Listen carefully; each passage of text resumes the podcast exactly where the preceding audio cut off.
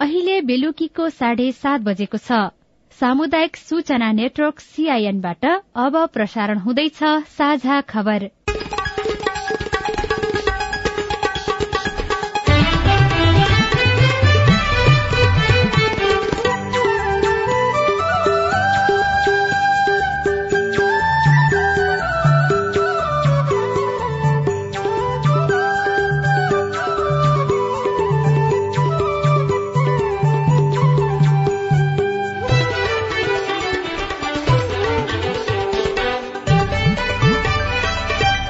सीआईएनको साझा खबरबाट लील प्रकाश चन्दको नमस्कार। साझा खबर देशभरिका सामुदायिक radio CIN Khabar dot com र मोबाइल एप सीआईएनमा पनि सुन्न सकिन्छ।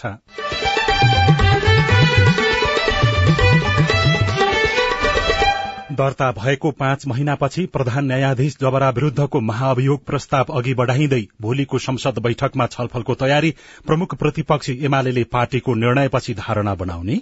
अनि यसरी गैर जिम्मेवार ढङ्गले प्रस्तुत हुनु ठिक भयो त दुई तिहाई बहुमत यदि पुर्याउनु पर्ने अवस्था आयो भने एमाले कता लाग्ने हो। त्यति बेला हामीले के गर्छौँ? हामी सल्लाह गर्छौँ भन्दैछु त। छ सय साठी जनामा कोरोना संक्रमण पुष्टि जतिसुकै बेला पनि नेपालमा मंकी पक्स भाइरस भित्र नै विश्व स्वास्थ्य संगठनको चेतावनी नौ लाख यौनिक तथा लैंगिक अल्पसंख्यक नागरिक उच्च जोखिममा। डेन्जर डिजिजको रूपमा आएको छ। जनचेतनामूलक कार्यक्रमहरू लिएर आउने यसको प्रिभेन्सनको लागि इन्टरभेन्सनहरू के के गर्न सकिन्छ भन्ने खालको कुराहरूमा स्ट्राटेजी तय गर्ने जनचेतनामूलक कार्यक्रमहरू लिएर आउनु पर्ने हो। काठमाडौँमा फोहोर उठ्न ढिलाइ पहाड़ी जिल्लामा अत्यधिक वर्षा कोशी ब्यारेज क्षेत्र प्रहरीको निगरानीमा केन्द्रीय विपद व्यवस्थापन कोष सञ्चालन कार्यविधि दुई हजार उनासी स्वीकृत। कार्यकारी समितिबाट खर्च हुँदाखेरि पनि के कस्ता विषयमा कसरी कुन मापदण्डमा आधारित भएर खर्च गर्ने भन्ने कुरा चाहिँ विशेष गरी यस कार्यविधिभित्र उल्लेख गरिएको छ। र रूस अनि बुल्गेरिया बीचको कूटनीतिक सम्बन्धमा तनाव पोल्याण्डका तीर्थयात्री चढ़ेको बस दुर्घटना पर्दा बाह्र जनाको मृत्यु।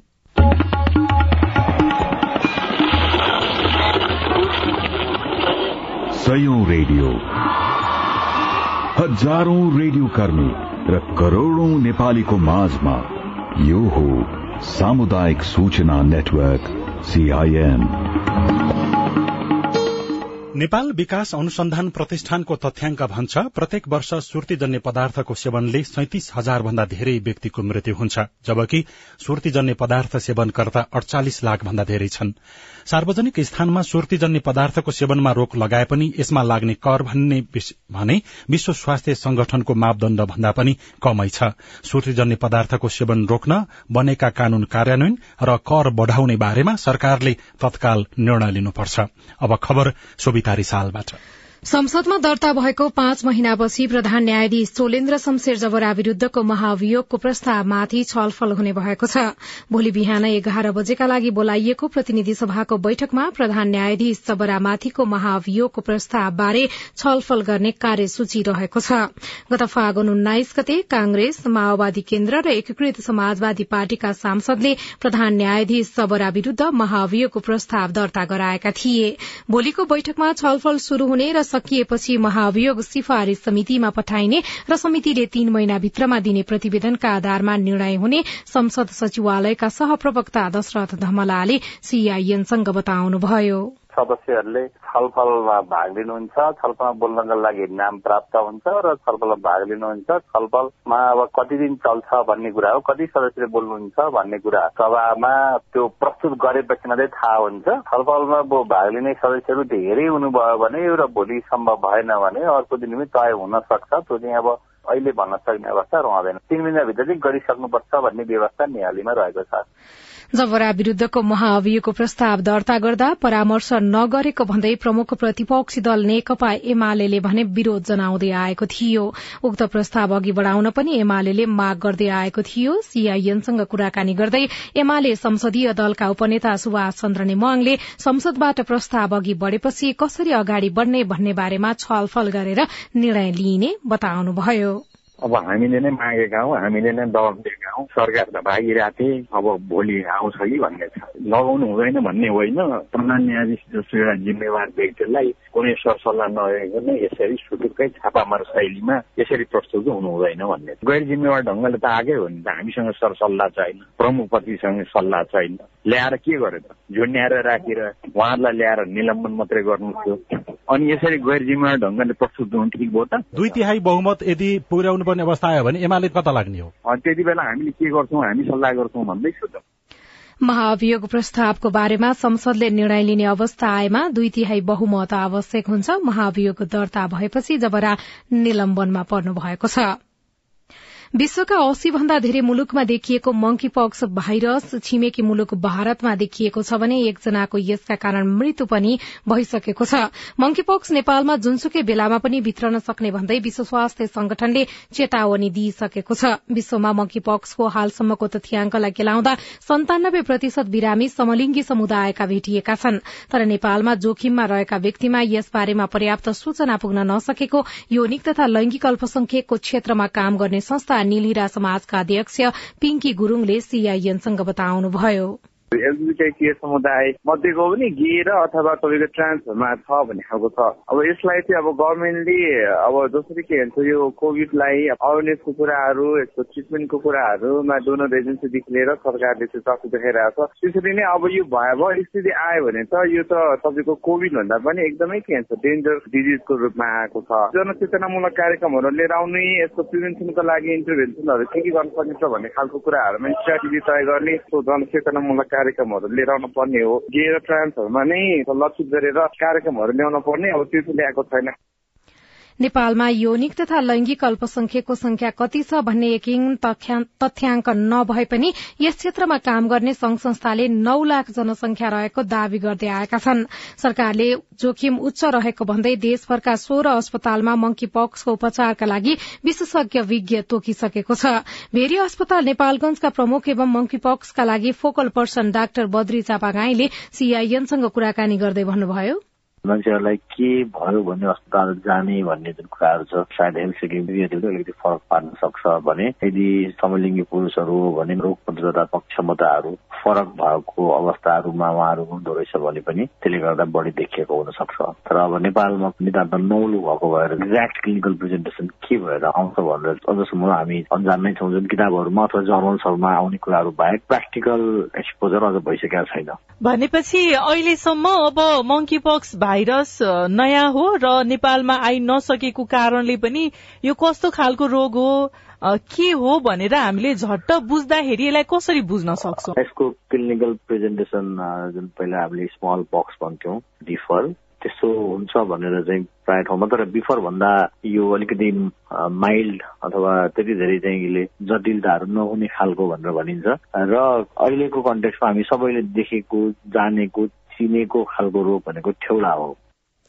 सरकारले भने जोखिममा रहेका समुदाय र व्यक्तिहरूसँग समन्वय र सुसूचित बनाउने कार्यक्रम चलिरहेको बताएको छ। सीआईएनसँग कुराकानी गर्दै स्वास्थ्य तथा जनसंख्या मन्त्रालयका प्रवक्ता डाक्टर समीर कुमार अधिकारी।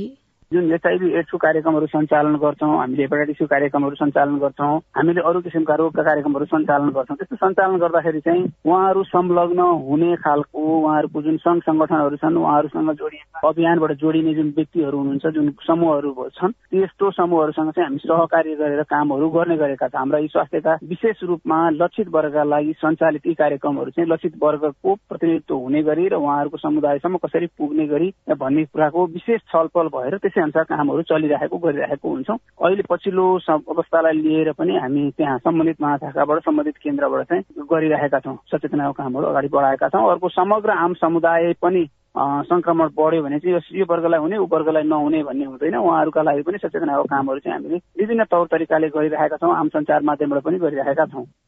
व्यक्तिको शरीरबाट निस्कने रियाल तरल पदार्थ अर्को व्यक्तिको शरीरमा प्रवेश गर्दा वा बाह्य र आन्तरिक संसर्गका माध्यमबाट मंकी पक्स भाइरस सर्ने गरेको छ। काठमाण्डुमा झण्डै दुई महिनादेखि फोहोर उठ्न सकेको छैन। लामो समयदेखि फोहोर नउठेका कारण काठमाण्डु दुर्गन्धित बन्दै गएको छ। सड़कमा फोहोर थुप्रदा नागरिकलाई हिँडुलमा समेत समस्या भएको छ भने विभिन्न रोगको जोखिम पनि देखिएको छ। बाटो मर्मतको कारण देखाउँदै काठमाण्डु महानगरपालिका र अन्य निजी क्षेत्रले समेत नियमित रूपमा फोहोरको अन्तिम व्यवस्थापनको काम नगर्दा सड़कमा जताततै फोहोर देखिन थालेको हो। विशेष गरी काठमाण्डुका मुख्य सड़क कलंकी कालीमाटी टेकु अनामनगर बानेश्वर थापागाउँ कोटेश्वर बागमती तथा विष्णुमती नदी किनारमा लामो समयदेखि फोहोर थुप्रिरहेको छ जसका कारण विभिन्न रोगको जोखिम देखिने खतरा बढ़ेको छ। समयमा नै फोहोर नउठेका कारण काठमाण्डुमा संक्रामक रोग फैलने खतरा देखिएको चिकित्सकहरूले बताएका छन्।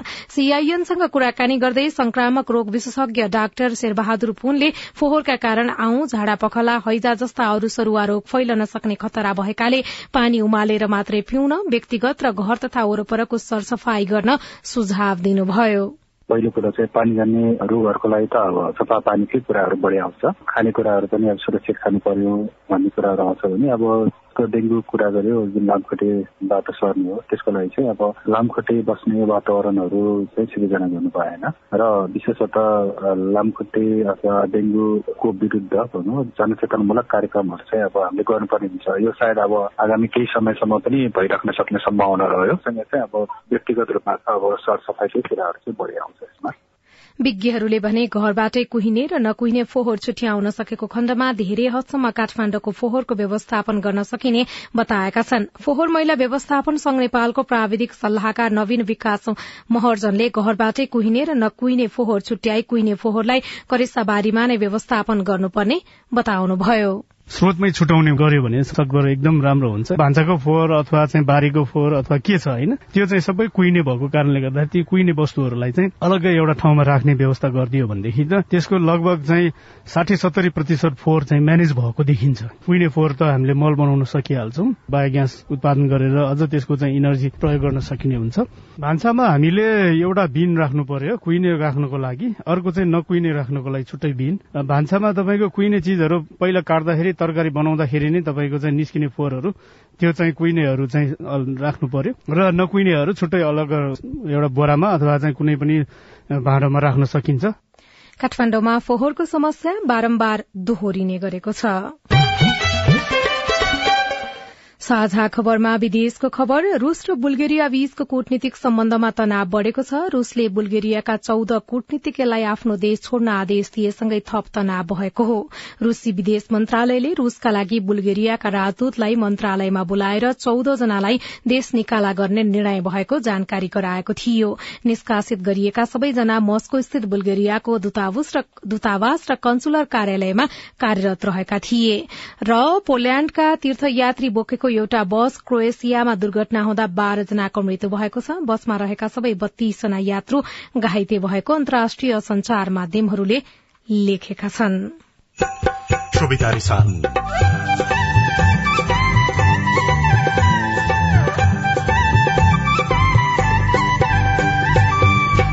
सिन्धुपाल्चोकको मेलम्ची बजार फेरि जोखिममा। मेसिनहरू लगाएर हुन्छ कि होइन? अब खोलालाई उता साइड परिवर्तन गर्न लाउनु पर्ने मेसिन लगाएर गर्नुपर्ने देखिन्छ। दुई चार दिन रहिरहने हो भने त्यो झोलङ्गी पुलको अवस्था कति बेला के हुन्छ भन्ने ठेगान हुँदैन। दीर्घकालीन उपाय खोजिदिन नागरिकको आग्रह रिपोर्ट। शनिबार विशेष लगायतका सामग्री बाँकी नै छन्। सीआईएनको साझा खबर सुन्दै गर्नुहोला। मम्मी खाजा? मम्मी मेरो होमवर्क गर्ने कापी। बुहारी एकदम खुट्टा दुख्यो। बुहारी चिया खान मन लागेको थियो। बुढी कपडा मैलो भएछ। अरे मेरो परिवार। भर्खरै सुनेको संवाद तपाईँलाई कस्तो लाग्यो? यही संवादलाई फेरि एकपटक यसरी सुनौ न है। मम्मी खाजा आज म बनाउँछु। मिठो बनाउँछु है। मम्मी मेरो होमवर्क गर्ने कापी मैले खोजिसके। अब म होमवर्क गर्छु। बुहारी एकदम खुट्टा दुख्यो। छोराले तेल तताएर लगाइदिएपछि अलि आराम भयो। बुहारी चिया खान मन लागेको थियो। सबैको लागि बनाएको छु। आऊ सबैजना खान। बुढी कपडा मैलो भएछ। घर नि कस्तो फोहोर। कपडा धोएर भ्याए। अब घर सफा गर्छु। कोरोनाको महामारीबाट बस्न पनि त सरसफाई जरुरी छ नि। आहा मेरो परिवार। तपाईँलाई दोस्रो संवाद कस्तो लाग्यो? पक्कै राम्रो लाग्यो। हो तपाईँ हामी बीच जिम्मेवारी बोध भयो भने एक अर्का बीचको निकटतालाई अझ राम्रो बनाउन सकिन्छ। बाढी चोडी जिम्मेवारी परिवारमा समझदारी। महिला बाल बालिका तथा ज्येष्ठ नागरिक मन्त्रालय युएन वुमन ल्याक र अकुराबको सहकार्य। सामाजिक रूपान्तरणका लागि यो हो सामुदायिक सूचना नेटवर्क सीआईएन तपाई सामुदायिक सूचना नेटवर्क सीआईएनले तयार पारेको साझा खबर सुन्दै हुनुहुन्छ। विपद जोखिम न्यूनीकरण तथा व्यवस्थापन कार्यकारी समितिले राष्ट्रिय विपद जोखिम न्यूनीकरण तथा व्यवस्थापन प्राधिकरणमा रहने केन्द्रीय स्तरको विपद व्यवस्थापन कोष सञ्चालन कार्यविधि दुई हजार उनासीलाई स्वीकृत गरेको छ। कार्यविधि स्वीकृत भएसँगै अब प्राधिकरणले कार्यकारी समितिबाट पारित भएका विपद जोखिम न्यूनीकरण तथा व्यवस्थापनका तत्काल गर्नुपर्ने अत्यावश्यक कार्यहरूका लागि कोषमा रहेको रकम खर्च गर्न सक्नेछ। बिहानीदेखि देशभरका विभिन्न स्थानमा पानी परिरहेको छ जसका कारण ठाउँ ठाउँमा बाढ़ी पहिरो आइरहेको छ भने तराईका क्षेत्रहरूमा डुबानको खतरा देखिएको छ। कतिपय स्थानमा डुबान भइरहेको छ ठूला तथा साना नदीमा पानीको सतह बढ़ेको छ। आज पानीको बहाव दुई लाख तेइस हजार सात सय पचहत्तर क्यूसेक प्रति सेकेण्ड पुगेको कोशी ब्यारेज नियन्त्रण कक्षले जनाएको छ। पहाड़ी जिल्लाहरूमा अत्यधिक वर्षा भएको छ र सप्तकोशीमा जोडिने नदीहरूमा पानीको सतह बढ़ेकाले कोशीमा पानीको बहाव अस्वाभाविक रूपमा बढ़ने अनुमान गरिएको छ। त्यस क्षेत्रमा अत्यधिक बहाव हुन सक्ने जानकारीपछि कोशी ब्यारेज सहित कोशीको संरचनालाई निगरानी गरिरहेको प्रहरी उपरीक्षक काप्लेले बताउनु भएको छ। नेपालमा थप छ सय साठी जनामा कोरोना संक्रमण पुष्टि भएको छ। गत चौविस घण्टामा चार हजार छ सय बयासी जनाको नमूना परीक्षण गर्दा छ सय साठी जनामा संक्रमण पुष्टि भएको। स्वास्थ्य तथा जनसंख्या मन्त्रालयले जानकारी दिएको छ। गत वर्षको बाढ़ीपछि अनियन्त्रित बनेको मेलम्ची खोलालाई पुरानै धारमा फर्काउन तथा मेलम्ची बजार क्षेत्रको बस्ती जोगाउनको लागि आठ करोड़ रूपियाँ भन्दा बढ़ी खर्च भइसक्यो। बाढ़ीले पुरिएको बस्ती खोतल्दै स्थानीयहरू पुरानै थलोमा बस्न थालेका थिए तर मिलम्ची बजार क्षेत्र फेरि जोखिममा परेको छ। केही दिनदेखिको वर्षाका कारण यसै पनि जोखिममा रहेको मेलम्ची बजार थप जोखिममा परेको छ। मेलम्ची नदीमा आइरहने बाढ़ीले बस्तीका नागरिकमा त्रास थपेको छ। मेलम्ची नदीले धार बदलिरहेको छ। जसकारण बजार क्षेत्रका झण्डै नब्बे घर जोखिममा परेका छन्। जोखिममा रहेका झण्डै चार सय नागरिक जीर्ण झोलुङ्गे पुल मर्मत र संरक्षण तथा बस्तीको दीर्घकालीन विकल्पको माग गरिरहेका छन्। बाढ़ीबाट प्रभावित बनेका स्थानीय श्याम कुमार श्रेष्ठ र सागर कुमार श्रेष्ठ। तत्कालै अब यो मेसिनहरू लगाएर हुन्छ कि होइन? अब खोलालाई उता साइड परिवर्तन गर्नु लाउनु पर्ने मेसिन लगाएर गर्नुपर्ने देखिन्छ। अहिलेकै अवस्थामा चाहिँ रहिरहने अरू अरू दुई चार दिन रहिरहने हो भने त्यो झोलङ्गे पुलको अवस्था कति बेला के हुन्छ भन्ने ठेगान हुँदैन। जसले गर्दाखेरि चाहिँ यहाँ आवत जावतलाई कठिनाई हुने यहाँका बिरामीहरू अहिले पनि तपाईँले देख्नु भएको छ। सामान्य सानो सवारी साधन अहिले पनि यही झोलङ्गे पुल हुँदै गुडिरहेको छ। त्यसले यसले चाहिँ भोलिको दिनमा चाहिँ दुई चार दिनभित्रै हामीले केही उपाय अवलम्बन गर्न सकेन भने खास गरी यहाँको स्थानीय सरकारले केही त्यसको तत्काल चाहिँ व्यवस्था गर्न सकेन त्यो खोलाको धारलाई फेरि पहिलाकै ठाउँमा सहज तरिकाले बग्ने गरिकन त्यो परिस्थिति निर्माण गर्न सकेन भने ठूलो चाहिँ यहाँको स्थानीयहरूले मूल्य चुकाउनु पर्ने अवस्था देखिन्छ। नदीलाई पुरानै लयमा फर्काउनकै लागि गएको असार अन्तिमसम्म पनि खोलाभरि तटबन्धको काम चलेको थियो तर खोलाले निरन्तर गेग्रान ल्याएर मेलम्ची दोबान क्षेत्रमा थुपारेपछि तटबन्धहरू पुरिएर खोलावार पार हुँदै बग्न थालेको छ जसका खोला नियन्त्रणको लागि गरिएको करोड़ौं लगानी खेर गएको छ। मेलम्ची नगरपालिकाका प्रमुख आइतमान तामाङ नदीले गर्ने क्षति नियन्त्रणको लागि अझै पनि काम भइरहेको बताउनुहुन्छ।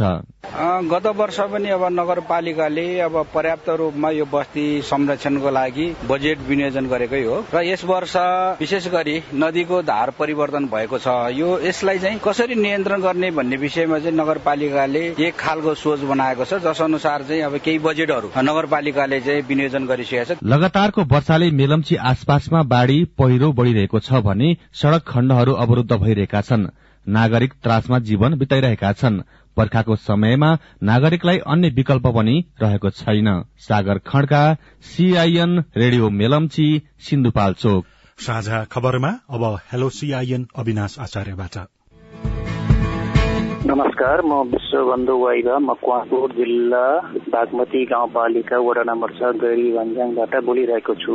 हाम्रो मकवानपुर जिल्ला बागमती गाउँपालिकाको विभिन्न वडाहरूमा किसानहरूले आफूले भोग चलन गर्दै गरेको आफ्नै नामका खेत बारीको लाल पूर्जा बेचिरहेको छ र लाल पूर्जा बेचेको जग्गा पनि आफूले कमाउन पाउँछ भनिन्छ र कमाइरहेको पनि छ। यो प्रक्रिया के कस्तो होला? कानूनतः स्पष्ट रूपमा किनबेच भएको जमिन फेरि उपयोग गरिरहन पाउने व्यवस्था छैन। विश्वबन्धुजी मालपोत कार्यालय मकवानपुरका प्रमुख ओम अधिकारीको कुरा सुनेपछि तपाईँलाई यसबारे अझ स्पष्ट हुन सक्छ। राजीनामा पास गर्दाखेरि त विक्रेताले क्रेतासँग रकम भुक्तानी गरेर पास गरेर लिएपछि चाहिँ अब त्यो स्वामित्व क्रेताको नाममा हस्तान्तरण हुन्छ होइन? कार्यालयमा आएर त्यो प्रक्रिया पूरा गरेपछि त्यहाँ चाहिने डकुमेन्टहरू राजस्व बुझाउनु पर्यो होइन? अब त्यसपछि जग्गा कमाउने सन्दर्भमा चाहिँ त्यो साउ र ऋणी बीचको चाहिँ आपसी सम्झौता समझदारी उनीहरूले के गर्छन् भन्ने कुरो त्यो हामीलाई थाहा हुँदैन होइन?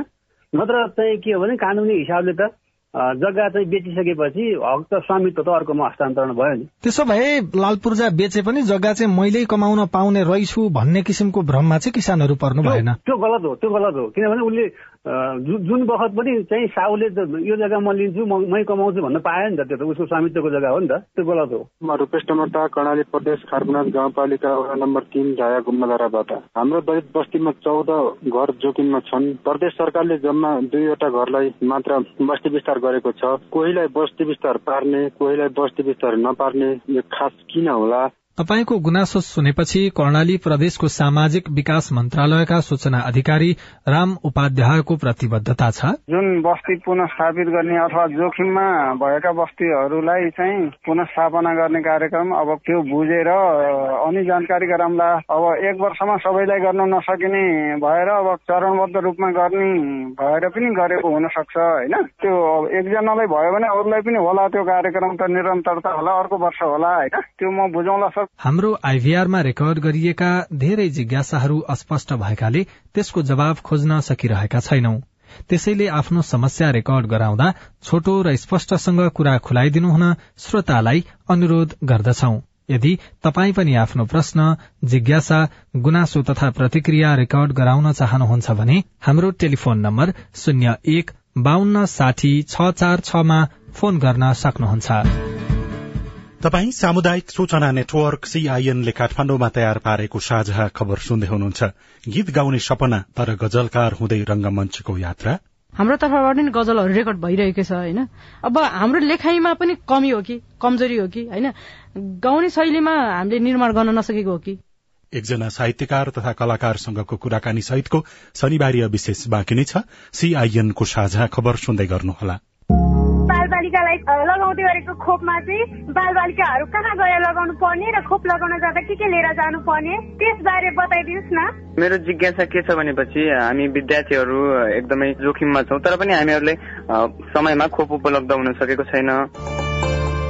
कोभिड बारे तपाईँको चासो अब हाम्रो पालोमा। कोभिडसँग जोडिएका थुप्रै बालबालिका तथा युवाहरूका प्रश्न र सरकारवालाको जवाब सहित हरेक आइतबार साँझको साझा खबरमा प्रस्तुत भइरहेको छ हाम्रो पालो। कोभिड पछि घरको बसाई बाल तथा युवा मस्तिष्कमा पर्ने प्रभाव यसले मनोविज्ञानमा पारेको असर कोभिडमा मानव सुरक्षा र कोभिड विरूद्धको खोप लगायत तपाईँलाई लागेको विषयमा हाम्रो आइभीआर नम्बर शून्य एक बान्न साठी छ चार छमा प्रश्न गुनासो तथा प्रतिक्रिया रेकर्ड गराउनुहोला। सरोकारवाला निकायको जवाब सहितको हाम्रो पालो देशभरिका सामुदायिक रेडियोमा प्रसारण भइरहेको छ।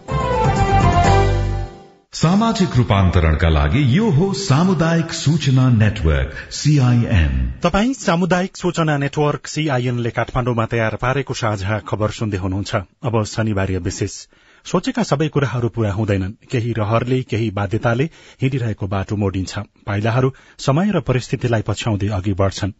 गजलकार संगीता थापाको सपना थियो संगीत सिकेर गायिका बन्ने तर समयले उहाँलाई मेहफिल हुँदै रंगमञ्चसम्म पुर्याएको छ। फैलियो माया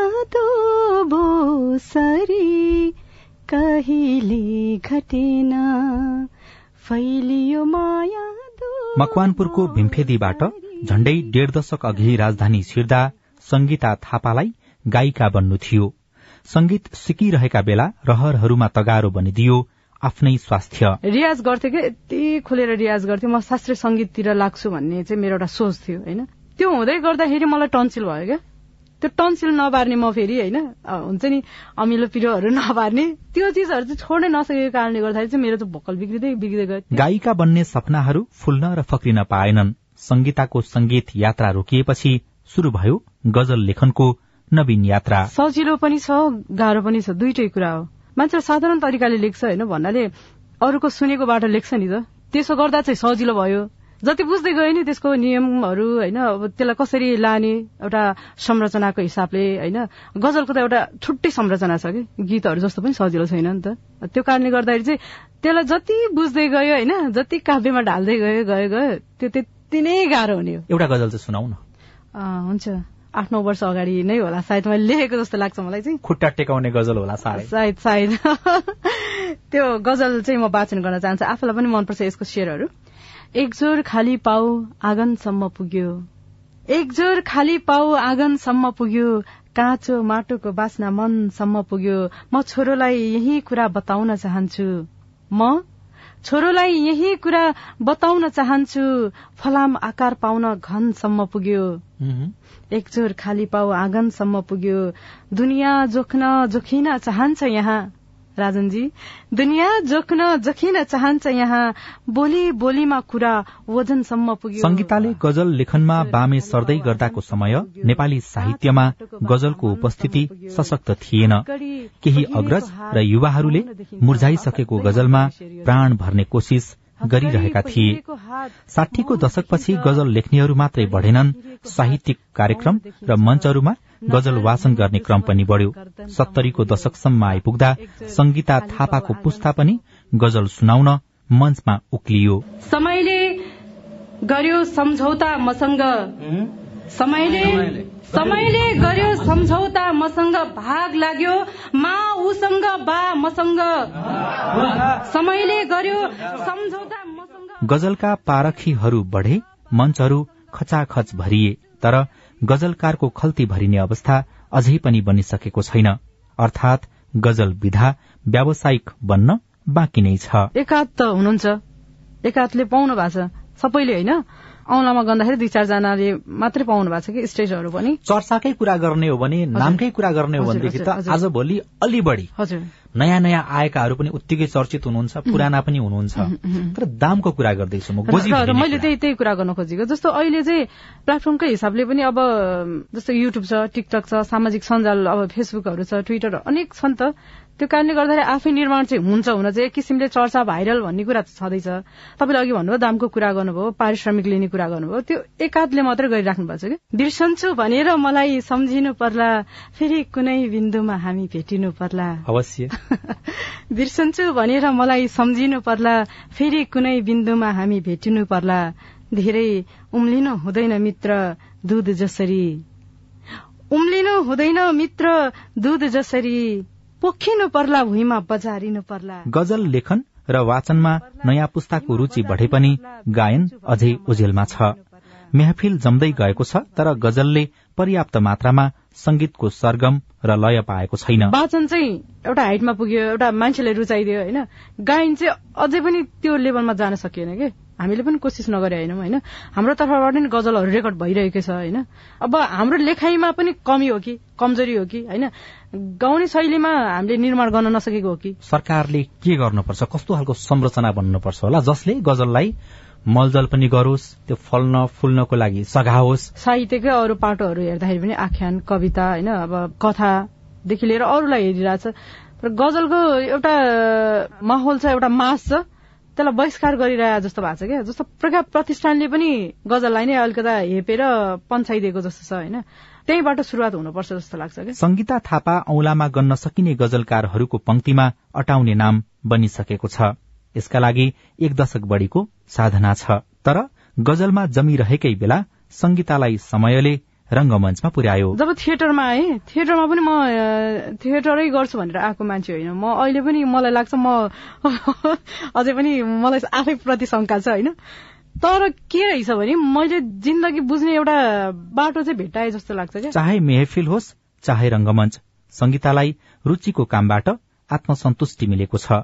रंगमञ्चका पर्दाहरूमा जिन्दगीको लय भेटिन्छ अनि गजलका शेरहरू बनेका छन् सुख दुःख बिसाउने चौतारी। गजल चाहिँ कस्तो छ भने अब मेरो जिन्दगी हो होइन? त्यसमा हरेक मेरो दुःख पीड़ाहरू सबै फ्रस्ट्रेसनहरू सबै निस्किन्छ। मैले निकाल्ने ठाउँ पनि हो किनभने मैले म्युजिकमा मैले आफ्नो ठाउँ बनाउन नसक्दाखेरिको जुन पीड़ा छ मैले मान्छे त फ्रस्ट्रेट भएर होइन डिप्रेसनमा जान्छ नि त्यता जान दिएन कि? मलाई त्यसले चाहिँ एउटा मेडिसिनको काम गर्यो कि? अब त्योबाट पनि अर्को लेभलमा एउटा औषधिको काम गरेको चाहिँ थिएटरले हो क्या त्यो हिसाबले गर्दाखेरि चाहिँ यो दुइटैमा म हुन्छ होला। म्युजिक पनि छ कुनै दिन आफ्नै युट्युब च्यानलतिर आउँछ होला। नाम कमाउने कति कति बहाना बनायो उसले आफ्नै मृत्युको समाचार छपायो। यो त मसँग मिल्दैन पत्रकारहरूसँग मोसो दलेर हिँडेदेखि सुरक्षित भएकी छु। मोसो दलेर हिँडेदेखि सुरक्षित भएकी छु। खराब वस्तु पनि जिन्दगीमा काम संगीतासँग खास सपनाहरू छैनन्। कलमले गजलका शेरहरू कोरिरहनेछ मेहफिल जमिरहनेछ अनि अभिनयमा नयाँ नयाँ स्वाद सहित नाटक घरको पर्दा उघ्रिरहनेछ खरानी लगाउने रहरले मात्रै हो। उसले केही आगो लगायो। दर्ता भएको पाँच महिनापछि प्रधान न्यायाधीश जबरा विरूद्धको महाभियोग प्रस्ताव अगाडि बढ़- बढ़ने भएको छ। भोलिको संसद बैठकमा छलफलको तयारी गरिएको छ। प्रमुख प्रतिपक्षी नेकपा एमाले भने पार्टीको निर्णयपछि धारणा बनाउने भएको छ। जतिसुकै बेला पनि नेपालमा मंकी पक्स भाइरस वितरन सक्ने भन्दै विश्व स्वास्थ्य संगठनले चेतावनी दिएको छ। नौ लाख यौनिक तथा लैंगिक अल्पसंख्यक नागरिक उच्च जोखिममा रहेका छन्। हवस् आजलाई साझा खबरको समय सकियो। प्राविधिक साथी सुरेन्द्र सिंहलाई धन्यवाद। भोलि साउन बाइस गते बिहान छ बजेको साझा खबरमा फेरि भेटौँला। अहिलेलाई लील प्रकाश चन्द पनि विदा हुन्छु। नमस्कार शुभरात्री।